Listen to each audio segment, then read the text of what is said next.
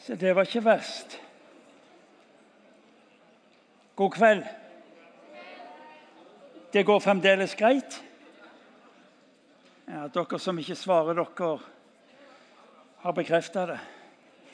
At det kunne gått bedre. Det er interessant når jeg kom inn på huset her i dag, så var det sånn Nesten alle sa til meg, bortsett fra de som jeg så i formiddag, 'Godt nyttår, Martin.' Godt nyttår, Martin. Og så får vi lov til å starte nyttår et dåp, både i dag tidlig på G11 og i kveld på G18. Eh, det å starte med dåp er noe av det mest formidable jeg kan tenke meg. Vi skal se litt mer om det eh, senere. Men, men det der med nyttår er jo, er jo utrolig interessant. fordi at eh, det er jo bare en dato, sier folk. Det betyr jo ingenting, det. Nei vel, men hva, hvorfor har dere så mye fyrverkeri da? Hvorfor har de selskap? Hvorfor driver folk på å kle seg opp? Fordi at eh, det er jo bare en dag. Det er jo fra den 31.12. til den første i første. Og så ligger det et eller annet der som jeg tror er uhyre interessant. Det er nesten som du skulle si at det ligger noe dypt i oss med et ønske om å kunne få lov til å starte på nytt. Er du med sånn? Å legge litt bak og tenke at eh, OK Vi lukker døra, og så tror vi at vi åpner en ny. Og så ramler det på med for Hva vi sier Fortsette kalles det for. Ja, Nå skal livet bli annerledes, og nå skal jeg gjøre det, og nå skal jeg slutte med det. Og så, og så blir altså egentlig livet vårt en type fokus på det som skal bli annerledes. Det er jo det. Så mye fyrverkeri. Det gir jo ikke mening hvis det ikke var et poeng med det, nemlig at nå skal det bli annerledes. Det er noe der. Og så kan vi ikke gjøre oss ferdig med, med, med dåpen. Habib og Seran. Fenomenalt. For dåp er noe langt mer enn at to mennesker velger på et vis å bryte opp og ut av en type liv, en type tilhørighet, for å bli del av noe som synes i denne verden veldig rart. Og Spesielt i en vestlig kultur hvor troen på Gud sånn, på et vis holder på å miste en type fotfeste, så er det mennesker som står opp og så sier de, 'Jeg vil'. Vil du? Ja sa Habib og Seran. Ja, jeg vil. Og så blir dåp enten du er døpt som barn eller du er døpt som voksen. fange opp noe av det formidable som du er nødt til å få tak i. For Hvis ikke så blir dette bare mye vann. For dåp er ikke primært hva de to menneskene har bestemt seg for, men hva Gud den allmektige har bestemt seg for. Og det er hele forskjellen. For Hvis ikke så blir det, det noen sånn religiøse greier som vi har fordi vi er kristne eller kristelige eller religiøse. Hva er dåp? Skal du og meg få tak i hva dåp er, så er vi nødt til å starte med Gud. For det var nemlig Gud som i sin tid sa til sitt folk etter åtte dager skal dere omskjære som uttrykk for en pakt som jeg innleder med mennesket. Alle jødiske guttebarn ble omskåret på den åttende dagen.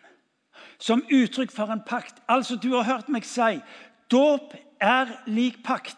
Og så sier Paulus i Nytestamentet til brevet til kolosserne så sier han dåpen en motsats til omskjærelsen, nemlig en Guds pakt så er altså dåpen og dette vannet noe langt mer enn en type religiøs greie, sa jeg. Fordi at Gud har sagt at jeg innleder en pakt med deg. Uansett hvor mye du forstår av det, uansett hvor helhjertet du måtte være i det. Dette kommer enda mer tydelig til uttrykk når det gjelder barn. For folk sier at et barn kan ikke tro. Ja, Men dåp er ikke primært snakk om tro. Tro, det vil si forstå. Hvem i all verden klarer å forstå Gud den allmektige. Jeg melder meg ut og sier at det regnestykket, det, det fikser ikke jeg. Så er ikke spørsmålet tro primært hva jeg presterer imot. Tro er primært noe jeg mottar, nemlig en Guds inngripen i mitt liv. Så når han snakker om pakt, så sier han ingenting. Ingenting, Habib. Ingenting, Seiran, kan skille dere fra min kjærlighet. Dåp er pakt som inngås, hvor Gud den allmektige stiger ned og sier, 'Hør, jeg er din Gud.' Og om du sliter med ditt liv, og om du strever med din tro, og om du sliter med å holde livet sammen, så vil jeg at du skal vite én ting. Det gjorde vi deg i dåpen, det holder. Fordi det kommer ikke an på deg, det kommer an på meg. Derfor blir dåpen så ubegripelig stor. Fordi dåp handler om hva Gud gjør inn i ditt liv, inn i mitt liv. Og når livet blir vanskelig Det var en, var en pinsepastor som sa det slik at eh, når jeg kom i, i en eksistensiell krise og alt det jeg trodde jeg hadde prestert for å regne meg som kristen, på et vis gikk i oppløsning, så skjønte jeg hva dåp egentlig var. Dåp var ikke primært hva jeg hadde bekjent, men hva jeg hadde tatt imot så er 2020 godt nyttår. Noe langt mer enn at du og meg med litt ekstra innsats skal på et vis eh, fikse, fullføre, slik at det blir et godt nyttår. Det er fenomenalt. Det er fenomenalt. Du og meg ser på 2020 med forventning og håp og lurer på hva det skal bli ut av det. Du og meg sier ja. Jeg håper og tror på et godt år. Hva i all verden vet du om det? Er du med? Og du får hilser fra folk, og de sier 'godt nyttår', og så tenker vi at det er tanken som teller. Den hjelper jo ingenting. Det er jo ikke det.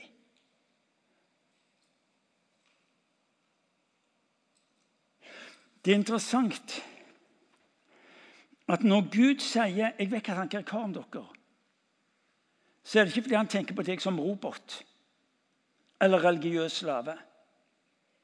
Fordi det som skjer når du og meg våger å bli døpt og ta imot det han rekker oss, er at du og meg blir satt fri.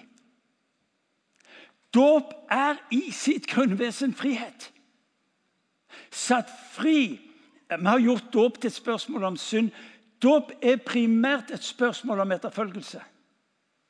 Fri til å følge han. Fordi profeten sier at er det synder har gjort skilsmisse mellom dere og deres Gud. Dåp er å bli satt fri. Så når du strever med ditt liv og, og, du tenker på alle disse små tingene som skulle vært på plass i livet ditt, så er det som om Gud sier hør nå, kan du ikke snu deg og se på hva jeg har gjort i livet ditt? Vi har gjort kristendom er et spørsmål om synd istedenfor et spørsmål om nåde. Og Mange av oss trenger å få tak i at når Gud handler inn i denne, inn i denne verden, så er det fordi at han elsker. Min drøm for 2020 er at det skal være et Jesusår. Jo da, det kan bli et år for gjennombrudd og et profetisk år. og Jeg vet ikke hva alle disse spenstige formuleringene vi har på. Nei, det er et Jesusår. Rett og slett et Jesusår. For deg, for meg og for våre omgivelser. Hør nå. Med bakgrunn i dåpen så skal du og meg få lov til å være megaforventningsfulle til at dette året skal bli ikke håpe, ikke forvente, men sette sin lit til. Det er to forskjellige ting, det. En gang til. Han har ikke bedt oss om å håpe eller forvente. Han har bedt oss om å sette sin lit til. Det er to forskjellige ting, det. Håper det går bra. Jeg forventer at du holder det du sier. Ja, det er tynne greier. Ja, det er det.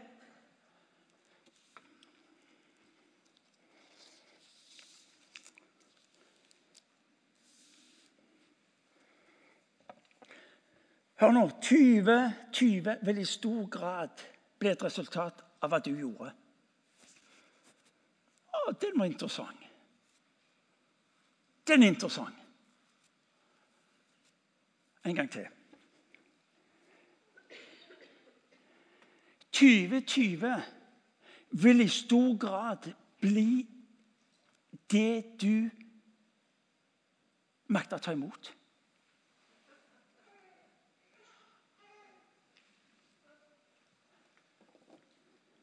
For jeg vet, sier han Jeg vet hva tanker jeg har om dere.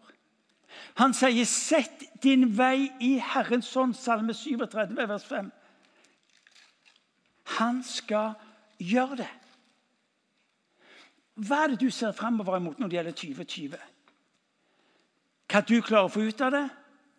Ja, jeg håper det blir et bra Jeg satt og snakket med folk ute på etter gudstjenesten på G11. Jeg tenkte dere ikke hørte etter hva jeg sa for dere. For de sa jeg håper det blir et bra, håper det blir et bra år.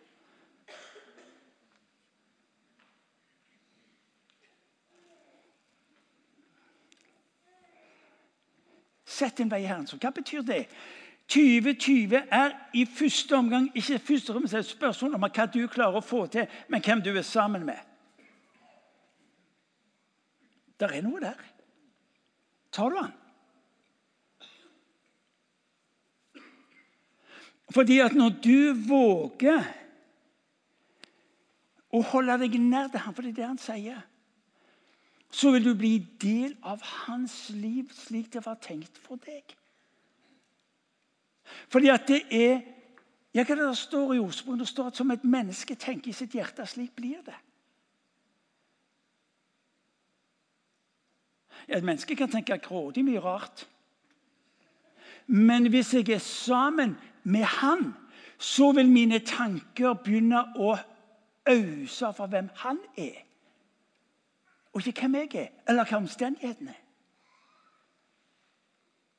Det er frihet til å leve det livet som han har kalt oss til å leve. Skjebnetroen. Det som skjer, det skjer. Sera, sera sang de i gamle dager på fransk. Jeg kan ikke fransk, men jeg skjønte det var det det betydde. Det som skjer, det skjer. Og så skjer det. Det var sånn det måtte bli bevisstløst forhold. Ja, Så har du denne egne troen, da, håpet, drømmene, forutsetningene. Men det er i realiteten tilfeldigheten som styrer oss.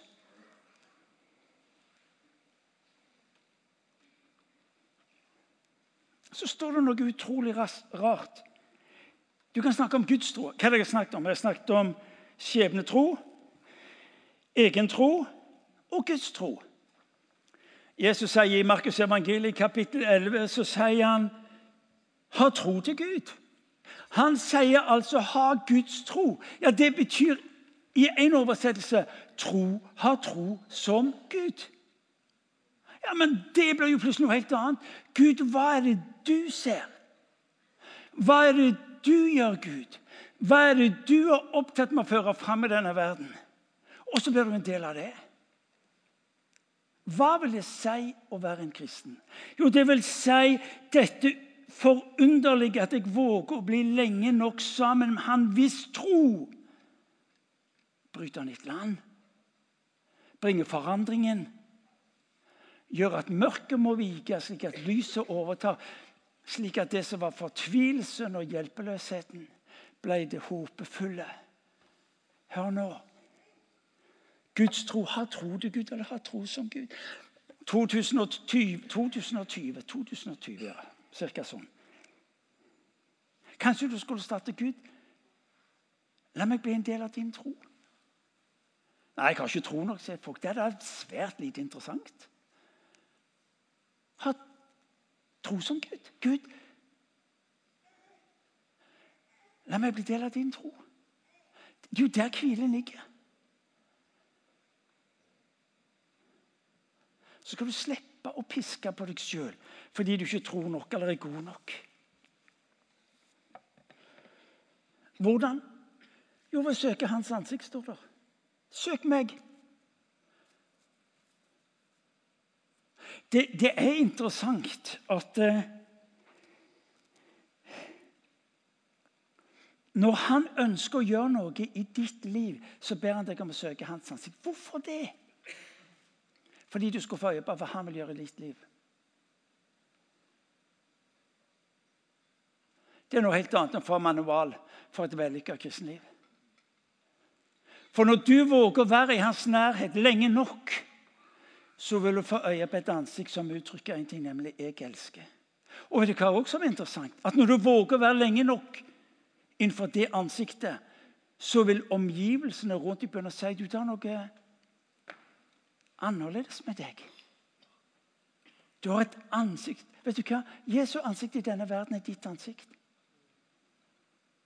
Believe it or not. Ja, men sier, Du må ikke tro på Gud, du må, på, du må, du må ikke tro på oss, du må ikke se på oss, du må se på Gud. Og de sier, Hvordan ser han ut da?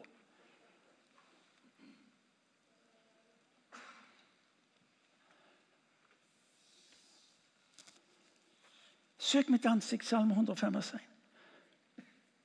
Kanskje du også skulle søke ditt eget ansikt for å få øye på hvem du er? Fordi vi bærer med oss fra historien gjennom oppfødsel og oppdragelse noe som gjorde at vårt ansikt ble et vanskelig ansikt å se. For vi møtte så mye som ikke var på plass. Så mange av oss mista livet gjennom ting vi opplevde. Og så ble troen og miljøer substitutter som vi gikk inn i, eller jobb, eller hva det måtte være, fordi at jeg på et vis ikke orka meg sjøl. En god venn av meg sa det slik, Martin jeg, Som fireåring mista jeg meg sjøl og har siden lett. Ikke nå, sa han, for jeg har fått øye på hvem jeg er. Du ser det at Evangeliet vil alltid søke å ta deg i denne her, i et møte med hans ansikt for at du skal våge å se ditt ansikt. For gjennom det å våge å leve ut den friheten som han har kalt deg til å leve. Fabelaktig. Men det tar deg jo også inn i at det ikke bare er snakk om Guds ansikt eller ditt ansikt, men det er snakk om menigheten sitt ansikt. Fordi du er kalt til Du er kalt til å leve i en relasjon med menneskene rundt deg. Det mest fortvilte med denne Vestens måte å forstå livet på, det er individualisme. Hvor vi har mista nettopp relasjoner med hverandre. Kristen tro er relasjon. Når Habib og Seiran Please, forgive. Hva er dåp? Dåp er relasjon. Dåp er fellesskap. Ja, men. Ja, men. Istedenfor ja-men, så begynn med amen. Er du med? Vi er eksperter på ja-men. Dåprelasjon Du tas inn i en relasjon med Gud den allmektige. Ved også bli tatt inn i en relasjon med hans folk, med hans familie. Og I Vesten så har vi klart å ødelegge det der så til de grader drapelig at liv har blitt et sånn et spørsmål hva du får ut av livet ditt. Bibelen er ikke opptatt med hva du får ut av livet ditt. Du vil oppdage at Bibelen i svært liten grad er opptatt med enkeltmennesker. De er opptatt med folk. De er opptatt med en familie. I en vestlig kultur ville Fader vår aldri ha blitt Fader vår. Det ville blitt min far. Min far. Gi meg i dag mitt daglige brød. Tilgi meg mine synder. Og så blir livene våre det vi klarer å produsere, det vi klarer å få ut av det. Men det er jo dette som er evangeliet i sitt uttrykk inn i denne verden. det at når livet mitt Jeg holdt nesten på å si går til helvete'. Så gjør ikke det så farlig fordi at jeg tilhører et folk som bærer meg, og som løfter meg, og som hjelper meg framover. 2020 er ikke et spørsmål om hva du får ut av livet ditt, men hva vi sammen som et folk får lov til å erfare Guds nåde mellom oss. Ja. Og du som strever med å få det til. Kan ikke slippe det der strevet, så ser du rundt deg og så tenker du wow. Gud, Gud lever jo. Jeg ser på alle disse rare, noen av dem, men, men, men det går an. Jeg er en del av dette folket. Er dere med meg? Vi har gjort Guden til en gud for individualister, mens Gud kom til sin familie. Og Det er to forskjellige, to forskjellige ting. Vet du hva? Mange av oss mister det som Bibelen sier, fordi vi er så individualistiske i vår tenkning. Ja. Dere får sikkert høre mer om dette seinere en gang, men, men akkurat nå så får det være nok. Det er derfor gudstjenester blir så viktig. Det er derfor huskirker blir så viktig. Det er derfor det vi får lov til å ha sammen, blir så viktig. For jeg er så avhengig av de andre rundt meg. Folk sier til meg ja Martin, du har gjort en fenomenal jobb. og alt det der. Og, eh, som, for deg som ikke vet det, så har jeg vært pastor i denne menigheten litt over 40 år. Og, og, og, de syns det er imponerende det jeg har gjort. Ja, Så kan jeg si at ja, det er ikke meg, det er han og alt det der. Men det, jeg skal spørre dere for det. Men hvis du spør meg hva som har vært det viktigste for meg gjennom disse 40 åra, så er det at jeg har fått lov til å være Martin Cave som en del av denne familien. Det er det viktigste i mitt liv. Det er det som fyller meg med glede. Det er det som fyller meg med takknemlighet. For at jeg får lov til å være en del av en familie. Jeg kan da ikke leve på en posisjon. Eller en hatt. Kan det måtte stå på den hatten.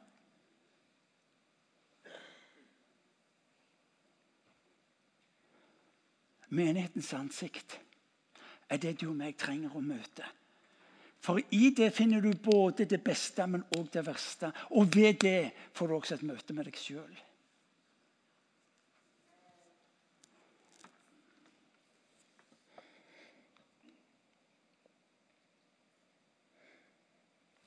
Det som er så flott, det er at når du og meg får lov til å være der Bare se hva klokka sier.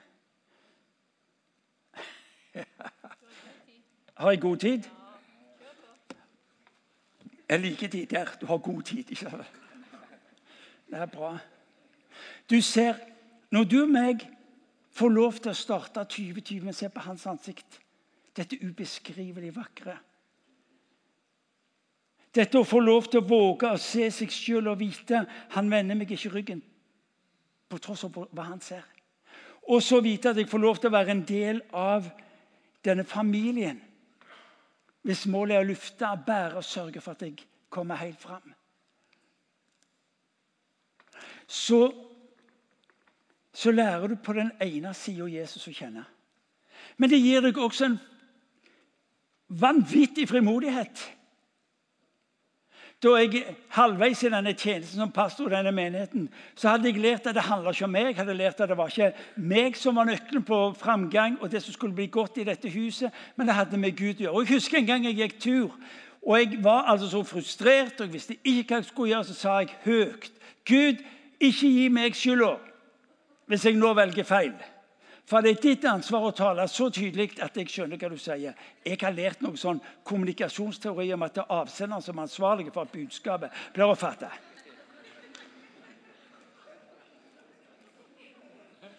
Det er noe der. Ja, Hvis han er taus, hva gjør du da? Jeg òg er taus. Det er befriende. Ikke min skyld. Denne kirka er det ikke mitt. Er du med? Og så er du plutselig en setting hvor du skjønner ikke med å skape. Sammen med han. I Johannes evangeliet kapittel 2 så leser du om Maria, mor til Jesus. Hyre interessant. Det holder virkelig på å bli et tragisk bryllup. De har ikke nok vin. Da hadde de drukket i tre dager. Og Noen oss ville ment at de hadde fått mer enn nok. Ja, jeg vet at jeg er et mindretall.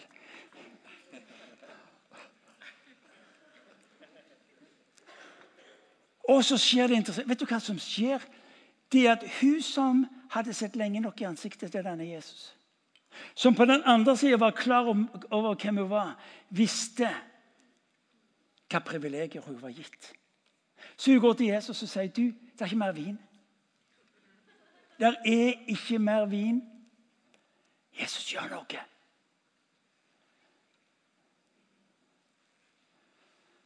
Det interessante er jo hvorfor i all verden gikk ut til Jesus og ba han om å skaffe vin. Det kan jo være at han hadde trent hjemme.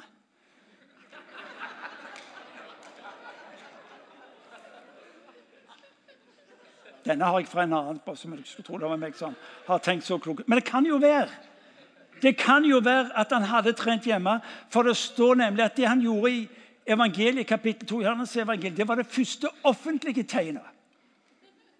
Dette var det første ikke-offentlige tegnet som han gjorde hjemme. Nei, Det er bare et tips. Ikke vet jeg. Men hva er Jesus svar til henne? Han sier, 'Hva har du med dette å gjøre?' Ikke bry deg. Fingrene fra fatet. Og så er det dette interessante at Marie hadde vært lenge nok sammen med Jesus at hun, hun tok ikke nei for et nei. Tenk på det. Marie tar ikke nei for et nei. Hun sier, Jesus sier, 'Ikke bry deg'. Hun går til tjeneren og sier, 'Du, nå gjør dere akkurat som han sier.' Det står at 'min tid er ikke nå'. Og Maria går til, til kelneren og så sier hun, gjør akkurat som han sier. Hun planlegger i henhold til sin egen bønn ut ifra hvem Jesus er. Kanskje du skulle begynne å gjøre det? Kanskje du skulle begynne å gjøre det? Fordi du er en sånn en som har lært av Maria. Når du befinner deg i en vanskelig situasjon på jobben eller i familien eller nabolaget, så står det at 'velsign de som forbanner dere'. Elsk de som hater dere. Kanskje du skulle begynne å forberede på hvordan se miljøer og omgivelser bli forandra fordi du begynner å velsigne. Det er klin umulig å hate de du velsigner. Bare prøv. Tenk etter. 2020.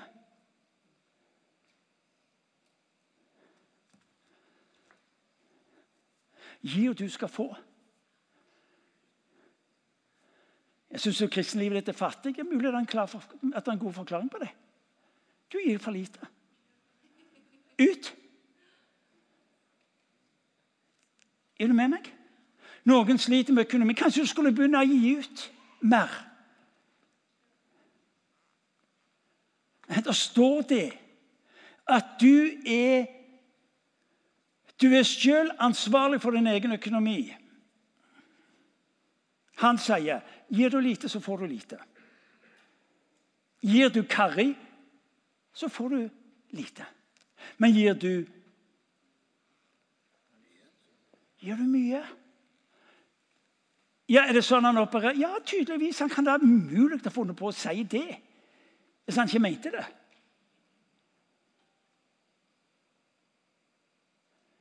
«2020. Skal det bli et godt år for deg? Det er mulig du hører jeg sier noe slik som at du avgjør.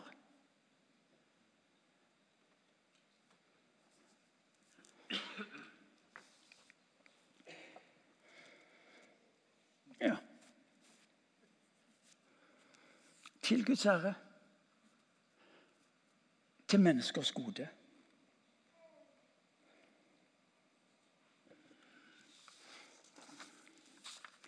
Jeg sa det på det første møtet jeg ser på andre. Det som er så fint nå, for vi har fått et lys som gjør at jeg ser ikke hvor langt klokka har kommet.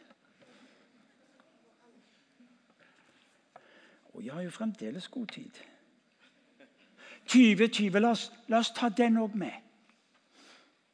Jeg har spilt Jeg har gleden av å reise vekk ei uke, en liten uke ved begynnelsen av hvert år og ved begynnelsen av hver høst. Reise bare for å være alene. Få lov til å være sammen med Jesus på en slik måte at jeg får tingene justert i livet mitt. For meg har det vært nyttig. Eh, og det gjelder ikke bare de introverte. Det, det gjelder alle. Du har godt av å på et vis å møte han slik at loddesnora kan bli i ditt liv kan bli justert etter hans. Og så er det en sang jeg har spilt disse dagene, som har tatt meg igjen og igjen. og Det er 'Jesus paid it all'. Jesus paid it all. Tenk å få starte med rene ark. Jeg vet ikke hva din fordel er. Jeg vet ikke hva 2019 betydde i ditt liv. Jeg har ikke peiling. Men det er en som sier 'Jeg har betalt for dine synder'. Jeg har betalt for dine overtredelser, for at du skal få lov til å bli satt fri til å gå sammen med meg. For andre igjen så kan det være snakk om kanskje 2020. Starten på 20 innebærer at det er noe du må slutte med. Legge bak. Kanskje allianser du har gått inn i som ikke løfter deg opp og fører deg fram.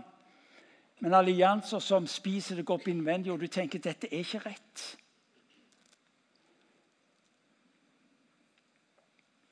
Hør nå, 2020 skal få lov til å være et år hvor du kanskje tenker jeg, jeg orker ikke mer. Jeg klarer ikke mer. Jeg vet ikke om jeg vil mer.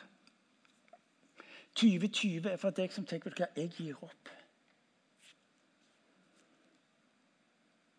Kanskje er du såra. Kanskje er det noe som du tenker at Nei. Livet mitt ble ikke som det var tenkt, og så melder jeg meg ut og så gjør jeg det beste ut av det. Det er det dummeste du gjør det å skulle prøve å gjøre det beste ut av et liv som Gud har kalt deg, det betyr en forskjell i menneskers, andre menneskers liv. For greia er den Uansett hvor du befinner deg i ditt liv, så tar Jesus utgangspunkt i hva han selv vil gjøre i og gjennom deg. For en forskjell. For en forskjell. Denne, dere har hørt meg si det før. Denne verden er ikke så fryktelig opptatt med hvor sterk du er som kristen, men den er opptatt med hvor du henter kraft til livet ditt som menneske. 2020. Det er godt mulig at for noen av dere så starter den på et vis sånn i knestående. Og du sier det er ikke mye jeg kan bidra med av endringer ut fra hvor jeg befinner meg i livet. Det er et spørsmål om hvordan du definerer ditt liv. Det tar utgangspunkt i hvordan du forstår hva muligheter ut ifra det som du ser i deg og rundt deg. To korte, tre korte glimt. Du leser i Bibelen om en Josef. Nesten drept av sine brødre. Havner som slave og ender opp i Potifars hus, en av de rike i Egypten. Han kunne satt seg i et hjørne og sagt hvor, hvor, vanskelig livet hans var, og hvor slemme alle var. og Snakket om alle de sårene som livet hadde påført han gjennom familien. Istedenfor så våger Josef å være i Potifar sitt hus, den Gud hadde skapt han til å være. Og så lyder det fra Potifar. Fordi når, når eh, Josef er der, så leser vi i kapittel 39 at han hadde fremgang. Det var en vekst i hans eh, forretninger som var helt uvanlige. Og så, så blir det kjent i huset at dette har med Josef sin tro på Javé, på Gud. Altså midt i elendigheten, hvor, eh, hvor Josef kunne ha gjort livet til et spørsmål om livet i ei celle. Mens han gjorde det til et spørsmål om en katedral. Jeg vet ikke hva som er din situasjon, Men Gud tar ikke utgangspunkt i din vellykkethet for å bruke deg. Han tar sitt utgangspunkt i at du sier, 'Gud, jeg er klar'. Og så blir Josef én, som betyr en forskjell. Og Da skulle vi jo nesten tro at Gud var med han. Nå ble livet bra. Å, langt ifra. Livet ble enda verre. Men det er en annen del av historien. Eller en Daniel, som du leser om i Daniels bok, kapittel 6, hvor du leser han er som ung mann tatt til fange, ført til et land langt borte. Og hans folk trakasseres, og hans folk opplever å miste det de har. Hvor kravene til å frasi seg troen midt i det, så er det noe som vokser fram hos Daniel sier nei, jeg kan ikke si fra seg med troen. Og kravet ble å tilbe kongen som Gud. Så sier, Abra, så sier Daniel aldri i verden. Han lot ikke sitt liv defineres av omstendighetene, men han ble stående. Og så blir han kasta i løvehulen, som du kjenner beretningen om. Kongen syntes dette var forferdelig, for han hadde lært å kjenne at Daniel var en rettskaffen mann. Og Så kom han til løvehulen, oppdaga at Daniel er blitt bevart gjennom Guds beskyttelse. Og så lyder det Hør nå. Og så lyder det Denne Gud som Daniel tror på, skal være den Gud som meg og mitt folk skal tilbe. Han er den eneste sanne Gud der du og meg ser håpløsheten og elendigheten, kommer Gud oss i møte så kan jeg få lov til å vise deg hvem jeg er. Det er egentlig det han sier ved begynnelsen av 2020. Jeg vet hvilke tanker jeg har for dere. Jeg vet hvilke tanker jeg har for dere. Ikke tanker til ulykke, men tanker til fremtid og håp. Hva drømmer du om? Er det feil spørsmål? La oss uh, lovsynge uh, Øystein. Og så skal du få lov til å bli tatt med i en sang som kan få lov til å være din bekjennelse. Waymaker. En sang som berører tusener av mennesker for tida. Fordi den på et vis tar mennesker inn i en forståelse av Og det du forstår, det kan du verdsette. Det du ikke forstår, verdsetter du ikke. Og det du ikke verdsetter, kan du heller ikke forvalte. En gang til. Det du ikke forstår, kan du ikke verdsette. Og det du ikke verdsetter, kan du heller ikke forvalte. Dette er grådig viktig for deg å få tak i. For alt det jeg nå har sagt, kan for deg bare være tungetale, som tungetale uten tydning.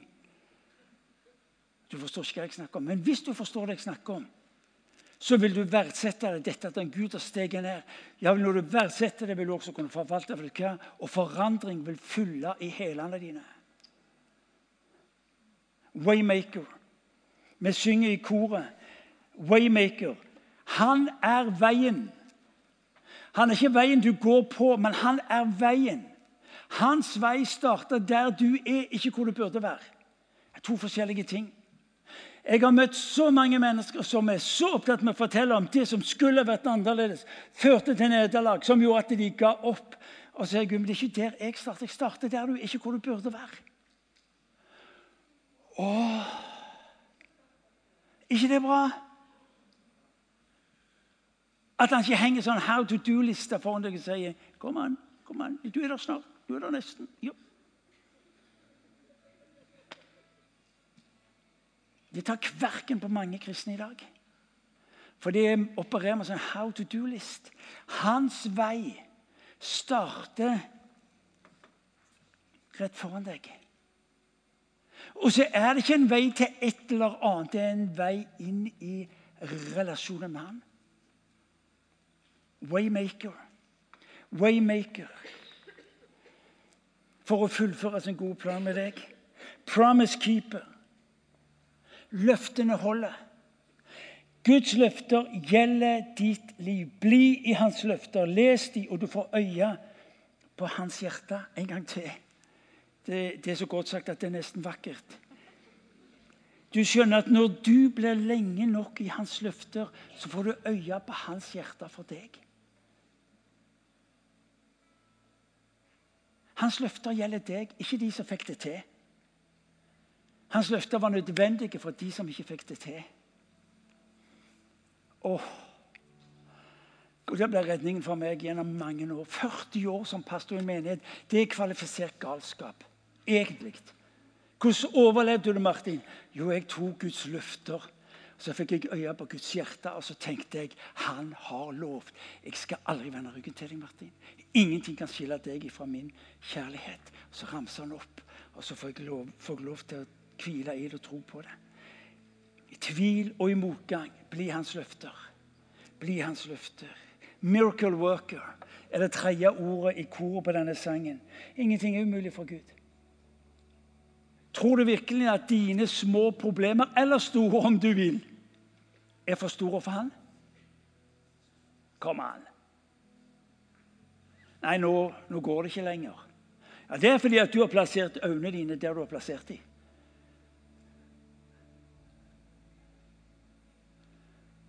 Miracle worker. Det er han som utfordrer fjellet. Ser Arne sitte her. Han er jo klin galen. Arne visste, altså. Hva er verden holder på med? Jo, han tror at Gud er mirakelskaperen. Han tror at Gud er i stand til å ta et norsk rettsvesen med sitt juridiske apparat For det er et mirakel vi snakker om. Men det Arne holder på med, klart det er det. Men også i din situasjon, der du tenker hvis det ikke skjer et Gud elsker mirakler. Gud elsker mirakler. Og det siste, 'light in the darkness'. Når alt synes svart og håpløst, så han Han er ditt lys i ditt mørke. Når du sier 'jeg ser bare mørket', så blir værende lenge nok, eh, lenge nok i mørket til du får øye på hans lys.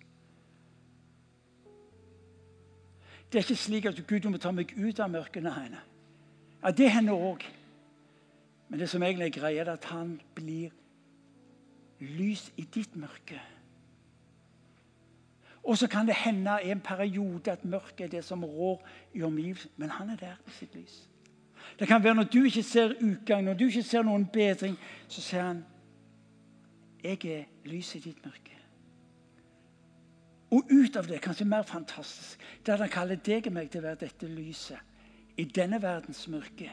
Slik at mennesker kan våge å tro at det er ikke så mørkt, det er ikke så håpløst som vi går rundt og tror, fordi jeg er der. En gang til. Fordi jeg er der som lyset i denne verden. Skal vi, skal vi reise oss, og så skal vi sammen synge denne sangen. Og så ber jeg om at det skal være din bekjennelse for 2020.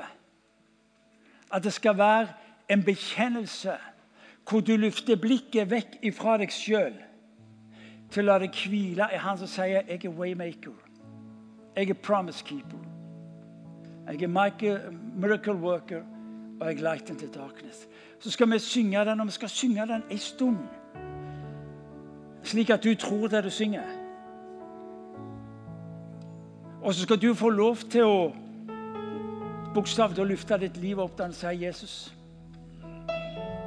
Ta meg inn i deg nå og synge om på en slik en måte at 2020 ikke ble et ord preget av tilfeldigheter, men var preget av at jeg hadde et bevisst forhold om hvem jeg gikk sammen med i denne verden og gjennom denne verden. La oss tilbe og la oss synge.